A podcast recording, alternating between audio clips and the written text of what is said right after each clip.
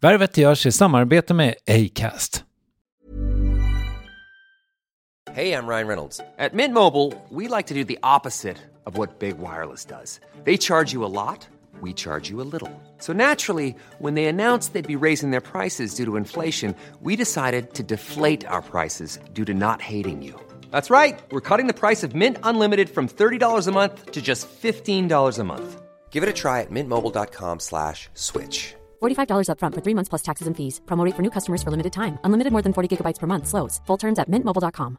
Hey, it's Danny Pellegrino from Everything Iconic. Ready to upgrade your style game without blowing your budget? Check out Quince. They've got all the good stuff shirts and polos, activewear, and fine leather goods, all at 50 to 80% less than other high end brands. And the best part? They're all about safe, ethical, and responsible manufacturing. Get that luxury vibe without the luxury price tag. Hit up quince.com slash upgrade for free shipping and 365 day returns on your next order. That's quince.com slash upgrade. Hey, it's Ryan Reynolds, and I'm here with Keith, co star of my upcoming film, If, only in theaters, May 17th. Do you want to tell people the big news? All right, I'll do it. Sign up now and you'll get unlimited for $15 a month in six months of Paramount Plus Essential Plan on us. Mintmobile.com slash switch. Upfront payment of $45 equivalent to $15 per month. Unlimited over 40 gigabytes per month. Face lower speeds. Videos at 480p. Active Mint customers by 531.24 get six months of Paramount Plus Essential Plan. Auto renews after six months. Offer ends May 31st, 2024. Separate Paramount Plus registration required. Terms and conditions apply if rated PG. Värvet sponsras av SAS Eurobonus och SAS Eurobonus Mastercard. Och det här är ett budskap som jag tänker kan vara bra för den som antingen gillar guldkant på till exempel tillvaron eller för den som gillar att slå två flugor i en smäll. Om jag tittar på vad jag gör av med under en dag så är det typ 85% mat. Kanske tar jag en kaffe ute och relativt ofta unnar jag mig en lunch men framförallt så handlar jag middagskäk och det blir nästan alltid ungefär 327 kronor. Och jag är förvisso med i alla mataffärers kundklubbar så jag får väl något slags luddig poäng på mina köp, men får jag poäng på allt, överallt? Jag får ju inte det och det är dumt, för visst, Eurobonus kan användas till resor, lounger och uppgraderingar, men otroligt mycket mer, som att bo på något av de 250 000 anslutna hotellen som finns att välja mellan. Perfekt om man vill ha en staycation med sin partner eller så. Få poäng på allt överallt och det börjar på SAS Eurobonus Mastercard.se. SAS Eurobonus Mastercard.se. Tack SAS Eurobonus och SAS Eurobonus Mastercard.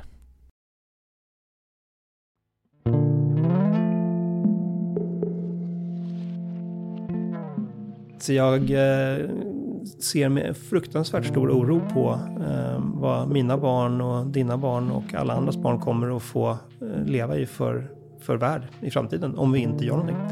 Um, det, är inte, det är inte en värld som jag skulle önska min värsta fiende faktiskt att få leva i.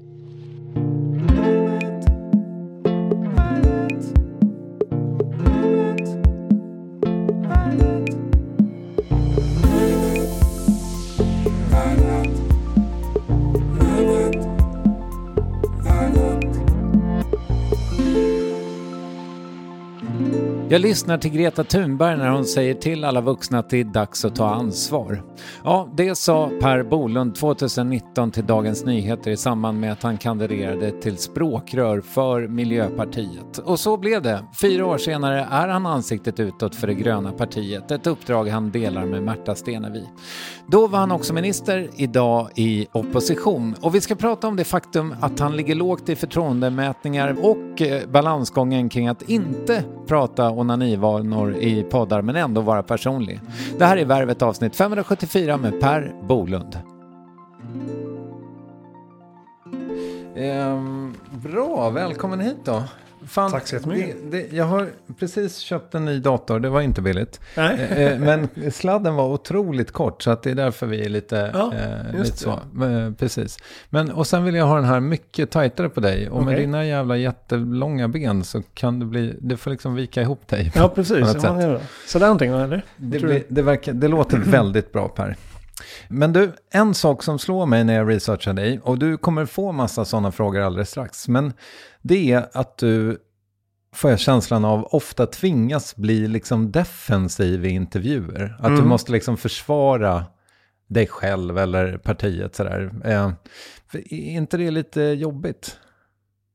Eh, jo, det tycker jag, om det är så. Eh, det är ju eh, verkligen, eh, det finns ju ingen anledning till det. För att vi är ju såklart glada och stolta.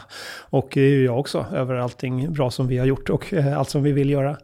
Men eh, det, det kanske är framförallt nu på sista tiden så har det ju varit en eh, period när eh, eh miljö och eh, hållbarhet har liksom blivit eh, nästan synonymt med eh, sånt som är jobbigt och eh, som liksom stör när vi behöver hantera energipriser eh, som sticker och inflation och eh, säkerhetshot i omvärlden och sådär.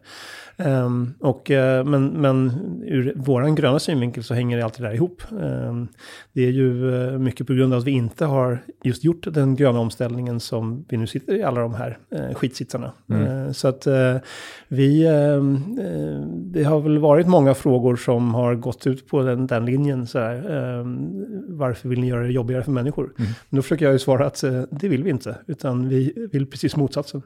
Vi får, vi får se hur det går för dig nu då, men jag tänker mig att det, det, verkar som att du har, antingen så får du inte de frågorna eller så backar du från dem. Men du, det känns som att din integritet är väldigt stark. Alltså, det är inte som, man kommer liksom inte in på livet riktigt. Uh, ja, men det kanske är sant. Uh, jag tror väl att uh, för mig så är det ganska viktigt ändå att det är skillnad på det politiska arbetet och den, privata sfären. Och jag tycker väl att för mig är det inte en bra utveckling att de där mer och mer trycks ihop och att vi som politiker förväntas att berätta allt om våra privatliv. och jag Eh, jag tycker att det är också bra att de diskussionerna har kommit igång. Eh, vill vi verkligen veta allting om våra politiker? Eh, nu såg jag igår bara så var ju Johan Persson, vår arbetsmarknadsminister, med i något som heter Fördomspodden och berättar om sina sexualvanor och allt vad det nu var. Jag, jag, tror inte att det gynnar eh, politiken. Eh, för mig är det på allvar. Eh, det handlar ju om vilket samhälle vi ska ha. Vad, vad vill vi göra gemensamt? Vad är målet med vår gemensamma ansträngning? Och eh, då är det ju det som jag tycker vi ska ha fokus på också. Mm. Um, sen är det klart att uh, mina värderingar och vem jag är som person påverkar ju de vägval jag gör. Och det tycker jag är intressant, så det pratar jag gärna om. Mm. Flera saker som vi ska återkomma till här, men, men Eh, en sak som du ju ofta får slagen i huvudet är ju hur fruktansvärt lågt eh, förtroende du har eh, mm. hos svenska folket. Just det. Och det är ju bara Muharrem Demirok som ligger lägre än du i skrivande stund. Ja. Varför tror svenska folket så lite på dig? Om det nu är det som man mäter, det där är väl en bra fråga. Okay. Um, och ibland så tycker jag ju sådana här opinionsmätningar också um, man, man ställer en fråga och sen så drar man slutsatser som att det var en helt annan fråga man ställer. Så att, eh, men eh, jag tror att de där frågorna är väl ofta vem har du mest förtroende för i politiken? Eh, och där tror jag att man också, när man svarar på det, blandar in ganska många olika saker. Det är nog inte bara, eftersom det är väldigt få som svarar som känner mig, så tror jag inte bara det är mina personliga egenskaper som avgör. Utan det är ju till exempel, ja men, Ligger man liksom eh, åt vänsterhållet, ja men då har man större förtroende för vänsterpolitiker generellt. Eh, och ligger man åt högerhållet så har man större förtroende för högerpolitiker generellt. Och där är ju vi en lite udda fågel som eh, är, ligger i det gröna lägret. Mm. Och det kan ju göra att vi liksom också därav får lägre förtroendesiffror än de som är tydligt profilerade på höger-vänsterskalan. Eh, men eh, Sen är det väl, eh, sitter man i regering, särskilt som litet parti, då får man ju ansvaret för allting som går åt fel håll och som inte är tillräckligt bra i samhället. Och det har ju synts i våra opinionsmätningar också. Men det tror jag också färgar av sig på när man känner liksom, ja men, vem har jag förtroende för i politiken? Då är det liksom lättare att lägga sitt förtroende på någon som inte är prövad, någon som kanske kommer med de framtida lösningarna, kan man hoppas på. Men hade det inte liksom varit lite bra för dig, alltså om du vill skapa förtroende, hade det kanske inte varit lite bra att berätta om dina sexualvanor i Fördomspodden så att säga? Eh, det tror inte jag. Nej. okay. Eh, jag tror eh, att det snarare kanske raserar förtroende. Och jag tror att jag, jag personligen vill ju att vi ska ha politiker som också har integritet. Och då tror jag att det är bra att agera på det sättet också. Var går gränserna då? Jag, för mig så pratar jag ju gärna om eh, mina erfarenheter, mina värderingar och det är ju ganska personligt. Eh, men däremot så tycker jag inte, jag ser ingen anledning att prata om mitt privatliv eller ja, min familj. Eh, de älskar jag ju, men de har ju inte valt att bli politiker och ställa sig i rampljuset. Och det tycker jag man kan ha respekt för att de har gjort det valet och då kan de få så långt det är möjligt i alla fall, eh, liksom leva sina liv som vanligt. Mm, jag, ska, jag ska utmana det där lite grann om en stund, men med silkesvantar. Vi får se. Ja, men alltså som minister också, och eventuellt också som partiledare, det måste väl ändå hända att du måste stå för saker som du inte riktigt bottnar i själv, alltså som du inte håller med om, men att du på något sätt då blir ansiktet utåt för ett demokratiskt beslut.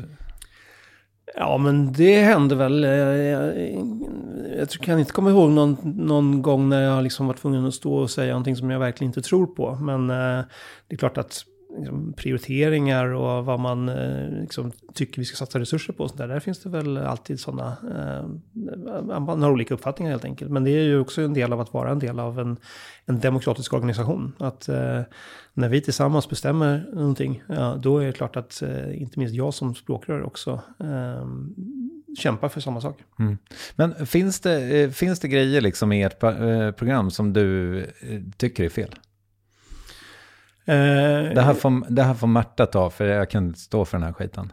Uh, nej, det skulle jag inte säga. Det, det, finns, jag kan inte komma på någonting som, uh, som vi har liksom ställt oss bakom och som jag inte kan företräda. Um, sen är det ju, uh, världen förändras och den förändras kanske snabbare än någonsin nu skulle jag säga. Och uh, det gör ju också att ståndpunkter som vi haft tidigare måste man som sagt i nyfikenhetens anda också faktiskt vara beredd att ompröva ibland. Mm. Um, Vad ändrade du åsikt i senast? Ja, men en sån eh, fråga som ju har verkligen ställts på sin spets nu senaste året, det är ju eh, säkerhetspolitiken. NATO. Eh, ja, hur bygger vi, ja, kanske inte den frågan, men däremot eh, eh hur bygger vi ett säkrare samhälle, en säkrare värld?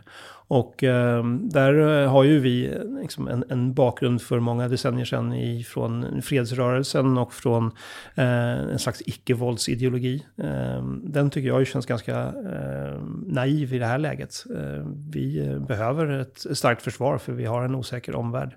Och där är jag ju stolt över att Miljöpartiet också har varit med i eh, de senaste försvarsberedningarna och står bakom de försvarspolitiska besluten som, som Sverige har fattat. Eh, och eh, det är ju en ganska kraftig upprustning vi håller på med nu, men av nödvändighet. Du sitter typ i krigs... Eh, vad heter det? Eh, någonting. Utrikesnämnden och krigsdelegationen sitter jag Krigsdelegationen, ja. Mm. Vad fan gör ni där? Ja, den är väl egentligen en instans som är till för om, om det värsta skulle hända och eh, det skulle liksom bli ett väpnat angrepp. Då behöver vi ju ändå kunna fatta beslut i vårt land. Och eh, det är ju eh, det är svårt att se att eh, om det verkligen skulle bli en krigssituation, att man skulle kunna bara glida in på riksdagen som vanligt och eh, fatta beslut i kammaren. Så, så då måste man ju ha en, ett system för att säkerställa att Sverige kan styras och att vi kan eh, organisera vårt land, särskilt i en sån eh, akut situation. Mm. Så att eh, det är det som krigsdelegationen... Så ni träffas inte varje tisdag och snackar lite, utan det är ifall det smäller så att säga? Ja, just det. Okej. Okay. Men... Eh, vi nämnde Märta Stenevi för en stund sedan. Alltså, min känsla är att du just nu syns mycket mer än hon gör. Är, är det korrekt uppfattat? Det tror jag inte. Nej, okej. Okay. Det är 50-50. ja. Men eh, det, vi, eh, vi försöker ju dela liksom på eh, de olika stora eh, debatter och utfrågningar och liknande som, eh, som finns. Ehm, så att det kanske snarare är eh, beroende på vilka frågor man eh, följer i eh, liksom, eh, opinionsbildningen och sådär. Okej. Okay. Och hur ser fördelningen ut då? Va, va, va, vem tar vad? Så att säga? I grunden så har vi ju exakt samma uppdrag och delar ju eh, hälften hälften på all, all politik och eh, allting som partiet eh, gör kan man säga. Um, sen är det väl ja, lite grann på grund av eh, våra bakgrunder och vad vi har för erfarenheter. Som tidigare miljöminister så är det klart att jag gärna och snabbt kastar mig in i miljödebatter. Och Märta har ju varit jämställdhetsminister och jobbat med eh, väldigt mycket otroligt viktiga eh, sociala hållbarhetsfrågor kan man jag kalla det för. Eh, så att eh, det gör väl kanske att eh, tröskeln är lägre för henne att kasta sig in i de debatterna. Mm. Men, men där tycker jag ju att det är viktigt att jag företräder hela partiets politik och Märta företräder också hela partiets politik. Mm. Vilka, vilka aktiviteter slåss ni minst om att få göra? Det är en bra fråga. Jag tror inte att det egentligen är det är, Jag tror inte att, att någon eh, av oss brinner för eh, att eh, liksom, göra insatser där det känns som att vi mest bara att vi inte har någon viktig uppgift att fylla, helt enkelt. Um, så att vi, vi slåss nog inte om sådana här, liksom, um, sånt som kanske andra partier tycker är tjusigt, men som vi tycker är inte liksom riktigt för de politiska frågorna framåt. Sånt som är liksom med representation och uh, att uh, ja, bara vara en företrädare för liksom, det politiska Sverige eller så. Vi är nog ganska båda två inriktade på att vi vill göra skillnad och att den insatserna vi gör också ska faktiskt eh, göra skillnad. Men nu måste du exemplifiera, vadå? Kan, oj, nu har vi fått en inbjudan till middag hos kungen för att eh, Burundis utrikesminister är där. Ja. Då är, är det liksom sten, sax och påse vem som ska slippa gå.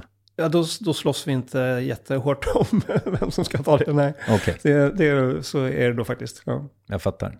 Min känsla är ju liksom att eh, att, det här handlar inte om, om dig, nu ska jag liksom lyfta blicken lite, men, men att ni upplevs som lite humorlösa, den där okarismatiska eh, ordningsmannen och kvinnan som framåt tio när förfesten börjar gå mot klimax, då vill ni att vi ska sänka volymen och säga att vi måste tänka på grannarna. Ja, just det. Det är tråkigt att det är, den uppfattningen har spridits. Ja.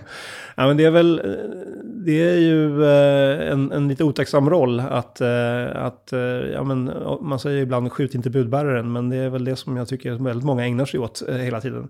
Mm. Um, när vi försöker att ändå prata om att vi håller på att såga av hela den grenen grenen och trädet och rycka upp rötterna från den, liksom, det träd som vi eh, sitter i. Eh, så är det ett bekymmer som vi, vi behöver liksom, göra någonting annorlunda. Och det är klart, eh, det kan ju då, då kan man tycka att ja, men här kommer den här tråkiga budbäraren och ska prata om problem och utmaningar eh, när jag bara försöker att eh, ha kul och leva ett bra liv. Så. Ja, eller få ihop till elräkningen. Ja, exakt, mm. visst. Så att det är väl, det, det, är, men det är kanske en otacksam uppgift då, men som jag ser det så måste ju någon göra det. Mm. Vi kan liksom inte fortsätta att blunda och låtsas som att vi kan fortsätta med business as usual, för att det är på väg åt skogen. Mm. Nu gillar vi skogen skogen i och för sig, men, men det är verkligen på väg att gå eh, riktigt, riktigt illa. Mm. Men det är ju, eh, sen om det är, eh, jag, jag eh, ser ju varken mig eller Märta som eh, några ordningsmän eller elevkårsordförande eller sådär. Jag, det har jag aldrig varit. Eh, så att, och jag, jag eh, tycker ju att det är viktigt att också kunna eh, skratta åt sig själv och att också liksom inte ta ta det på för stort allvar. Eh, men eh, det kanske är en bild som jag och vi inte har varit tillräckligt bra på att, eh, att också få ut.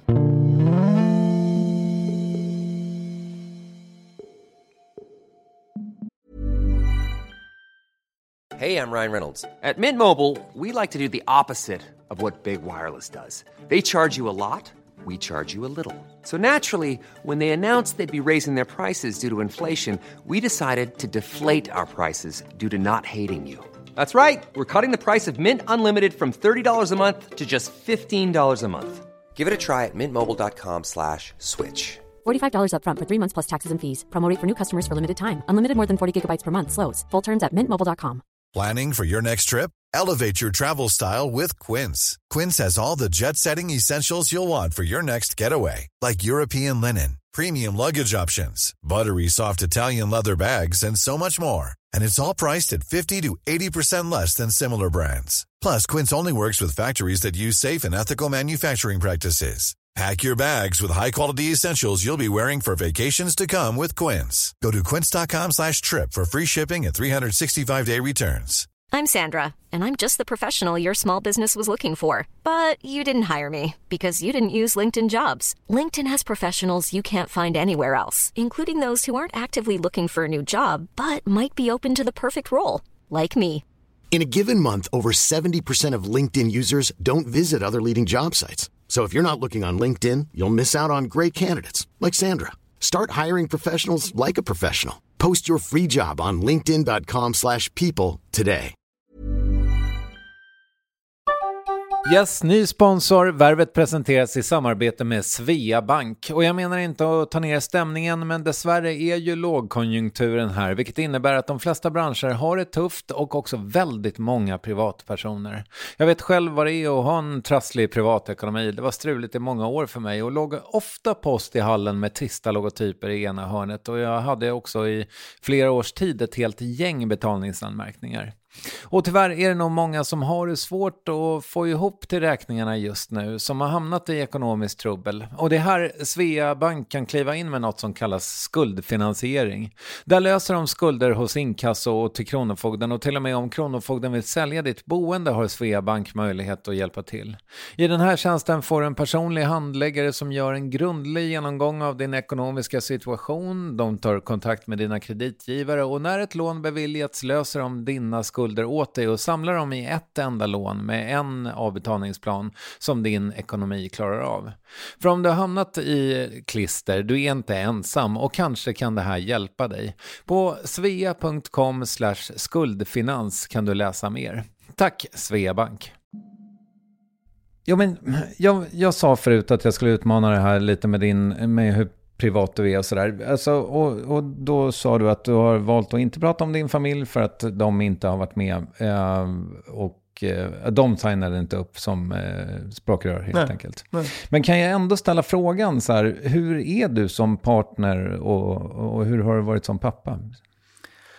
Eh, ja, det får du gärna ställa den frågan. Eh, det är ju alltid som vanligt svårt att recensera sig själv. Men, eh, men för mig har det ändå varit viktigt att, att vara en, en privatperson som finns närvarande och som inte Eh, ja, men, som liksom, 50-talsmännen, eller bilden av dem i alla fall. Att man liksom, eh, kommer in från jobbet och eh, är en ganska diffus person. Eh, så att eh, jag... eh, för mig har det varit viktigt att ändå finnas i vardagen och eh, vara liksom, närvarande. Ehm, Hur har det liksom funkat när du har haft en valrörelse som håller i på jobbet antar jag, 18 timmar i sträck eller? Ja, nej, men där kan du ju verkligen eh, hamna i konflikt med varandra, absolut. Eh, så att, men eh, där har jag ju försökt att hitta också strategier för att det, det ska funka. Och eh, en sån är ju att eh, när man är ledig försöka att verkligen vara ledig. Eh, att eh, liksom inte hela tiden hålla på och, och smygjobba och eh, liksom göra saker eh, vid sidan av. Um, så att, um, ja men till exempel att eh, när vi har liksom haft eh, sam sammanhängande sommarsemester, att eh, faktiskt verkligen liksom låta mobiltelefonerna ligga, att kunna vara på plats helt och hållet, 100 procent. Ehm, men eh, också att eh, se till så att liksom, man i möjligaste mån eh, kompenserar. När man har väldigt intensiva perioder så kan man ju ha andra perioder där man faktiskt eh, ger sig själv rätten att ta det lite lugnare. När, och då får Märta dra det tunga lasset. Ja, men det är ju faktiskt en fördel med att vara två språkrör, eh, som jag tycker är underskattat. Det är ju faktiskt ett stort värde att kunna ja, men, ha möjlighet att kunna vara helt ledig också. Mm. Och det tror jag är, eh, är man en partiledare, då vet ju alla att då liksom händer det någonting riktigt allvarligt så då kan man liksom inte, utan då måste man eh, vara där och hoppa in. Medan vi faktiskt är två stycken och kan dela på jobbet. Jag vet inte om du såg det, men jag frågade ju ehm, på Instagram vad folk ville veta om dig. Och då var det ju ganska mycket, märkte jag, eh, just kring så här fritidsintresse och, och vad gör du vid sidan av politiken. Hur ser livet ut vid sidan av politiken? Liksom, vad, vad, du, du, du definierar dig som basketälskare på sagda mm. medium. Just det. Mm. Ja, men, och det är jag. Eh, och eh, det är väl någonting som också inkräktar på eh, privatlivet till viss del. Att, eh, jag tycker det är otroligt kul att se på basket och följa basket och ehm, spela basket också. Så att, eh, har du, ett, har, har du liksom ett svenskt lag eller är det bara NBA? Uh, nej, jag, eh, jag eh, har ju uh, absolut, jag följer svensk basket också mm. uh, och tycker att det är jäkligt roligt.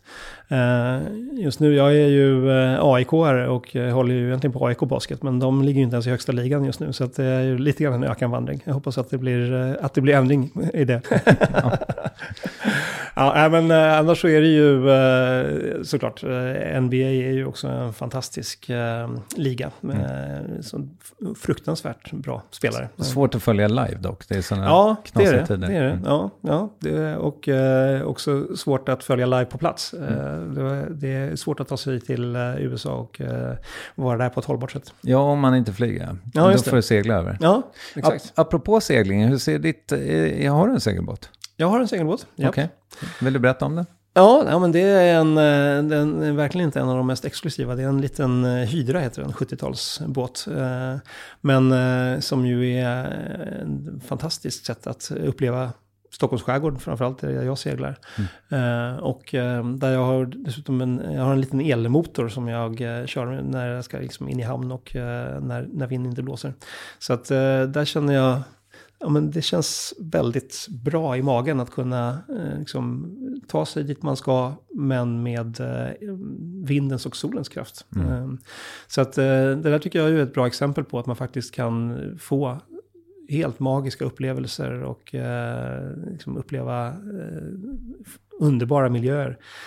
men faktiskt göra det på ett sätt som är genuint hållbart. Ja, det, det är något annat. Ja, visst är det. Verkligen. Ja. ja, men det är väl eh, just de här liksom magiska eh, sommarmorgnarna i skärgården när liksom eh, solen går upp och vågskvalpet. Och alltså det, är en, det är någonting som ger verkligen harmoni. Mm. Men är du bra på det där med att koppla av då? Du sa att ni lägger bort telefonerna, men är, är du duktig på det? Kan du växla? Nej men det är ju, det är ju liksom en, man gäller att, att fasa ut och fasa in, eh, har jag märkt. Att, eh, att tro att man bara kan klippa liksom omedelbart, det är väldigt svårt. Utan det är ju ett, eh, ett otroligt intensivt eh, jobb och ett intensivt flöde hela tiden med eh, menar, att följa vad som händer i nyheterna och vad gör alla de andra partierna och vad händer i liksom, med näringslivet och teknisk utveckling och allting sånt där. Och nu med sociala medier så är det ju också, ja, det är ju inte så att det är liksom en cykel som är från 9 till 5 utan det är ju dygnet runt i kopiösa mängder hela tiden. Så att där, det gäller liksom att avvänja sig gradvis. Och, eh, men sen eh, har jag liksom tyckt att det är ganska bra på att komma in i eh, en, en andra andning. Och men faktiskt kunna avstå från att hela tiden liksom, sträcka mig efter telefonen och liksom, ta del av det senaste som har hänt. Så. Mm. och det där tror jag, det har jag märkt i alla fall i mitt liv, att det är otroligt viktigt också för att ja, men både återhämta energin men också nyfikenheten lite grann. Ehm, jag tror att det finns en risk i det här ständiga flödet att man också blir avtrubbad och utmattad. Ehm, och att efter en sån här lite grann en, en, en vit period så, ehm, så är det lättare att komma tillbaka med liksom engagemang och intressen. Finns det frågor som liksom håller dig vaken eh, om nätterna? Så här? Alltså, har du den typen av grubblerier eller vet du alltid liksom vart du ska eller vart ni ska så att säga? Nej, men det finns absolut eh, saker, kanske inte så mycket i liksom, sakpolitiken sådär, vad, vad borde vi göra, utan mera eh, ja, men just omkring det här med, med hur ska vi kunna nå ut? Hur ska vi kunna förklara eh, hur, hur läget är och eh, låta den, den oron och osäkerheten som finns också leda till handling? Eh, för det är väl det är en av de stora eh, orosmolnen som jag ser. Att i en allt mer osäker värld som vi ju är i och där ju all forskning, eh, alla klimatexperter pekar på att den kommer bara bli mer osäker. Vi kommer få mer extremväder och extrema torkaperioder som vi har nu i södra Europa men också i Sverige med skogsbränder och liknande. Eh, och då finns det ju två sätt att, att reagera som människa. Antingen så eh, liksom säger man, ja men eh, det här är åt helvete, nu ska vi göra någonting åt det här. Och vi kan bara göra det gemensamt och det är bara om vi liksom, med tillit med varandra, i samarbete, då har vi en möjlighet att faktiskt möta det här. Eller Den andra så reaktionen- spelar man död. Ja, ja, men spela död, eller i värsta fall så kan man ju då liksom, eh, lyssna till de andra rösterna som finns i den här debatten och vilja resa murar mot omvärlden, eh, isolera oss, eh, liksom, våra resurser, det är vi som ska bara ha dem och vi ska inte dela med oss, vi ska inte, eh, vi ska peka finger åt alla andra istället för att försöka att hjälpas åt att lösa den här situationen. Och eh, det är väl där jag ser också att den den ideologiska striden står ganska mycket just nu mellan eh, ja, men det man ibland kallar för gall-tann-skalan med någon slags eh, vetenskapsfikonspråk. Men eh, ska, är vi liksom, ska vi hitta sätt att faktiskt skapa förtroende på global nivå eller ska vi mera liksom titta nationalistiskt på bara våra egna behov och eh, se till att vi tillgodoser dem även om det är på andras bekostnad. Eh, och just nu så är det ganska lätt att se att pendeln har svängt över snarare åt den här liksom, nationalistiska, protektionistiska eh, mitt, mitt, mitt och inte vårt. Eh, och det där funderar jag väl ganska mycket på. Hur kan, hur kan jag bättre förmedla och nå igenom med att det där verkligen är motsatsen till lösning. Det kommer bara göra all, allting mycket, mycket värre. Eh, och att det är genom att då vara solidarisk. Att försöka hitta sätt att, att vara generös och därmed hjälpa andra men också hjälpa sig själv. Det är bara så som vi faktiskt kan skapa de verkliga lösningarna. Eh, som ju i slutändan, även om eh, liksom, altruism och generositet låter som att man bara hjälper andra, så är ju jag helt övertygad om att det är verkligen det enda sättet för oss att hjälpa oss också. Så det är en sån sak som du inte tänker på när du är ledig? Eh, Nej, de där tankarna de finns nog med någonstans i bakhuvudet hela tiden. Eh, och det är ju... eh, Ja, men det är ju också eh, lite grann det som vi var inne på, det här med eh, att det är så lätt att skjuta budbäraren när man hör jobbiga budskap. Liksom. Eh, då är det en ganska lätt psykologisk reaktion att man går i försvarsställning och blir motståndare till det jobbiga som den här personen för fram. Ehm, och där behöver vi ju också tycker jag som parti och rörelse och jag som företrädare behöver hitta vägar för att visa på att det här, det vi föreslår är ju inte på något sätt att backa. Eh, det är inte att gå bakåt utan det är verkligen att eh, göra tvärtom. Att gå framåt, använda oss på allvar av de här nya tekniska lösningarna. Men också någonstans se att eh, den vägen vi är inne på är ju inte bara, vi håller inte bara på att köra planeten över stupet utan vi håller ju också på att bränna ut oss själva och vårt samhälle på köpet. Mm. Innan jag glömmer bort det, nu när du gav mig en så otrolig eh, möjlighet till att göra en snygg övergång. Hur har du själv haft det med utbrändheten? Har du, har du nosat på det? Nej, det har jag nog faktiskt inte gjort. Um, och uh, det, det, tackar jag nog att jag ändå har hittat uh, um, liksom sätt att få livet att funka som, som gör att jag uh, klarar av det här liksom, i grunden ganska omöjliga jobbet. det, men eh, det ena är ju det här med att, att kunna eh, koppla ner rejält när, när jag är ledig. Det tror jag är en sån här, ett recept för att inte eh, just bli helt uppäten. Men det andra är ju också att hitta sätt att röra mig och liksom få fysisk, utlopp för fysisk aktivitet hela tiden i, i vardagen. Eh, det är ju, jag är så otroligt glad att jag lyckades hitta sätt att cykla till och från jobbet som jag har gjort nu i liksom många år. Eh, men det är ju ett sätt både att just få eh, som den fysiska förutsättningarna för att göra det här jobbet. Eh, det vet vi ju mer och mer om att kropp och knopp hänger ihop och mår man bra fysiskt så är det lättare att må bra psykiskt också. Men också att liksom, det är ju också en bearbetningstid. Eh, när man mal på cykeln på väg till jobbet så hinner man mala fram några bra tankar och på vägen hem så hinner man bearbeta en del av det som man har varit med om och eh, komma ut utpumpad och eh, lite gladare på andra sidan. Har du någonting i lurarna när du cyklar? Ja, ja, men det har jag. Olika saker. P1 Eh, morgon. Nu på senaste tiden har det varit mycket värvet faktiskt. Ah, okay. ja, det, det var glädjande. Hur Ja. tycker jag sköter mig? Ja, men absolut. Mycket jättespännande eh, diskussioner tycker jag. Tack så mycket. Men eh, sen är det ju såklart eh, ja, men, nyheter, men också eh, när det passar eh, hård eh, rockmusik. För att få lite extra energi. Hård rockmusik. Ja, ja men det, ja, det, det varierar lite grann, men det är mycket liksom, tung funk, hårdrock, eh, ja, men, schyssta rockiga gitarriff går jag igång på. Vilka är dina hårdrockshjältar? Ja, men, eh, senaste, senaste låten jag visslade på här i morse var faktiskt eh, Run to the Hills med Iron Maiden. Eh, riktig klassiker. Säger någonting om att vi är typ samma generation. Ja, jag. ja, men precis. Det är nog sant. Men jag gillar ju också ehm, Red Hot Chili Peppers. ehm, när jag ska ladda upp inför hårda debatter så brukar det vara Rage Against the Machine som jag kör. Då, är, det är liksom, då går pulsen igång. Now you do what they told you. Fuck you, I won't do what you tell me. Fuck you, I won't do what you tell me. Fuck you, I won't do what you tell me. Fuck you, I won't do what you tell me. Fuck you, I won't do what you tell me. Du, du har ju pratat om det, att ni är faktiskt de som är mest utsatta när det kommer till det där med hat och hot. Liksom. Hur har det sett ut för just dig? Har du varit rädd? Uh, ja, det, på, på sätt och vis. Inte så att jag liksom uh, går omkring och är, är rädd för livet till vardags. Uh, och, men, men det är klart att det leder till att jag tänker efter på hur jag beter mig, att jag inte tar risker.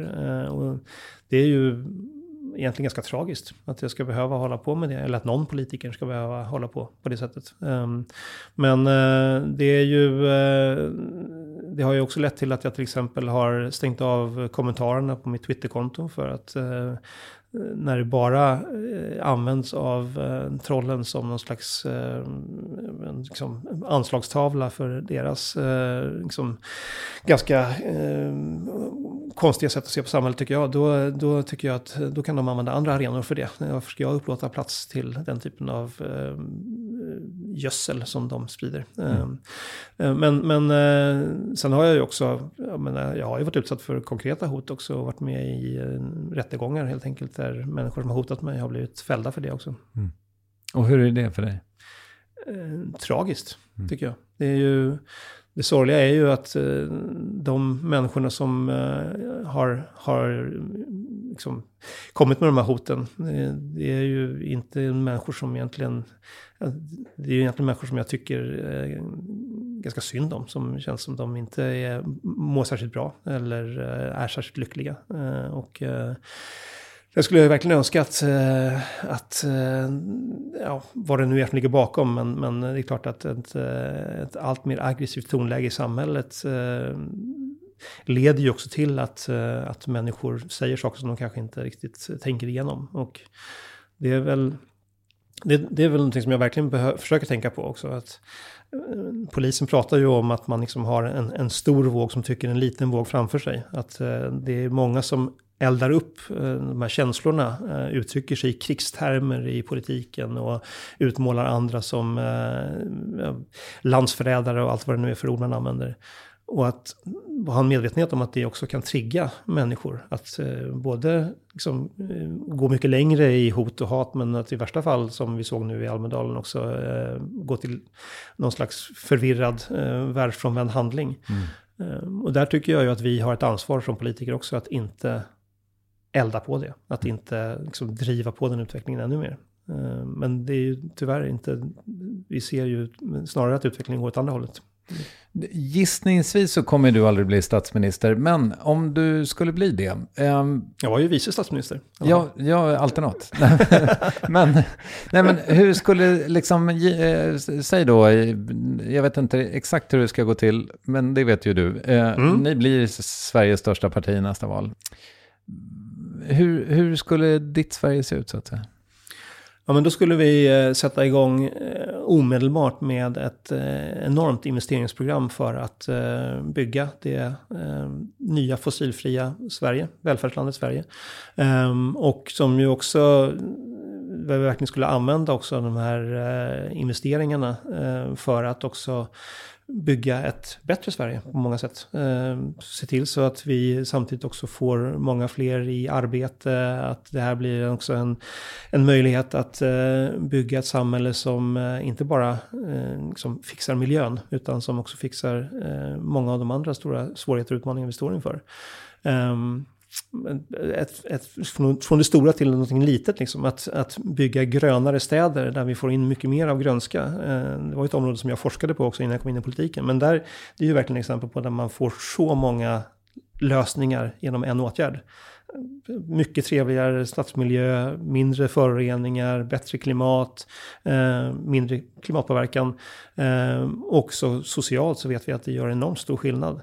Och det där tycker jag ofta att man, man liksom missar. Eh, hur eh, liksom, arbetet för hållbarhet faktiskt inte bara är ett arbete som eh, liksom, eh, minskar utsläppen vid skorstenarna, utan som faktiskt kan göra, få igång en dynamik som gör att det blir, händer otroligt mycket spännande, roliga saker i vårt samhälle. Gör att vi blir modernare, att det blir helt enkelt roligare att leva. Mm. Är det det här som får dig att gå upp på morgnarna? Visionen om det Sverige? Ja, ja men det, det, är väl eh, liksom eh, som vanligt liksom eh, de två sidorna. Att jag ser med fruktansvärt stor oro på vad mina barn och dina barn och alla andras barn kommer att få leva i för, för värld i mm. framtiden om vi inte gör någonting. Mm. Det, är inte, det är inte en värld som jag skulle önska att min värsta fiende faktiskt att få leva i. Um, och de, de de svårigheter som vi har sett hittills vet vi ju från forskningen bara är en västanfläkt jämfört med det som kommer om vi inte lyckas eh, ändra inriktning. Um, och uh, där eh, är det ju också just uh, frustrationen, måste jag väl säga. Att uh, liksom, varför, varför tar vi inte chansen när vi vet att vi har det här än så länge i våra egna händer? varför klarar vi inte som samhälle att faktiskt möta de här otroligt svåra utmaningen låter så väldigt liksom, modest. Det är så mycket större än så. Men det är ju liksom verkligen, eh, vi har vårt öde i våra egna händer, men snart har vi inte det längre. Mm. Um, men den andra delen av det är ju också möjligheterna i det. Uh, vi har ju sett när, när samhället har samlats tidigare för att möta stora utmaningar, hur det har sen skapat fantastisk eh, kreativitet, så många nya lösningar som har kommit, inte bara liksom på det som man började titta på, utan på alla andra samhällsproblem också samtidigt. Um, ja, men när vi har gjort skiften liksom efter, mött, mött krigshot och sen kommit ut på andra sidan och fått liksom enormt dynamiska ekonomier som har hittat eh, liksom, vägar framåt som man inte kunde drömma om bara några år tidigare det är det jag tror kommer hända om vi verkligen börjar att ta miljö och klimathotet på det allvar det förtjänar. Mm. Det kommer liksom skapa en sån fruktansvärt spännande samhällsutveckling. Eh, och den vill jag ju vara med om.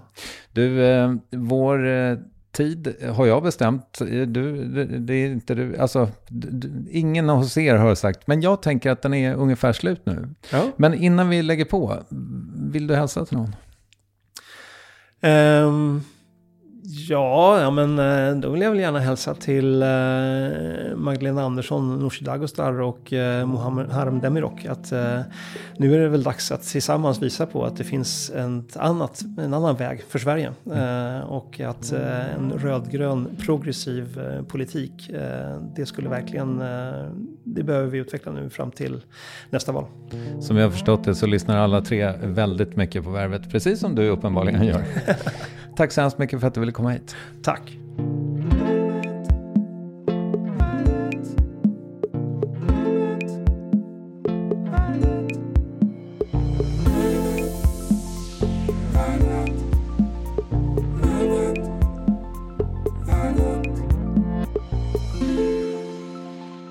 Skoglund alltså. Den 31 maj börjar för övrigt Järvaveckan här i Stockholm och där är Per en av talarna. Dessutom verkar det vara ett mycket matigt program. Vi ses eventuellt där helt enkelt. Ninni Westin, Kristoffer Triumf och Acast, det är de som kreddas bör om nu någon ska kreddas. Och det hoppas jag att du tycker. Annars hörs vi om max en vecka då det av allt att döma är Lalle som kommer på besök. Tack för idag. Hej!